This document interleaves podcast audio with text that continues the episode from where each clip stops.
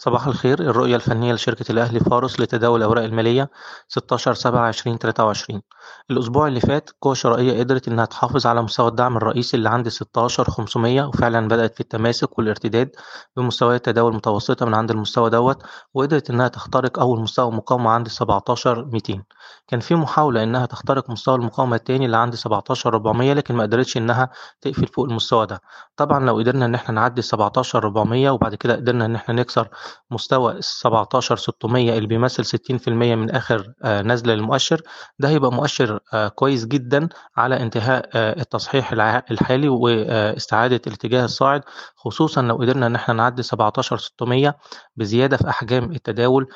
ويتزامن دوت مع اختراق مستوى الواحد وخمسين ونص عند ال CIB كده بقى عندنا أقرب مستوى دعم عند 17000 طول ما إحنا محافظين على 17000 هيبقى في محاولات للارتداد واختراق مستويات المقاومة اللي اتكلمنا عليها قبل كده اللي هي 17400 و 17600 الحركات الارتدادية الصاعدة ديت نقدر إن إحنا نستغلها في تخفيف المراكز آه، بتاعة ال margin عند أسعار أفضل نسبيا. وفي نفس الوقت الأسهم صاحبة الأداء الأداء النسبي الأفضل نقدر إن إحنا نعمل فيها متاجرة سريعة. شكرا.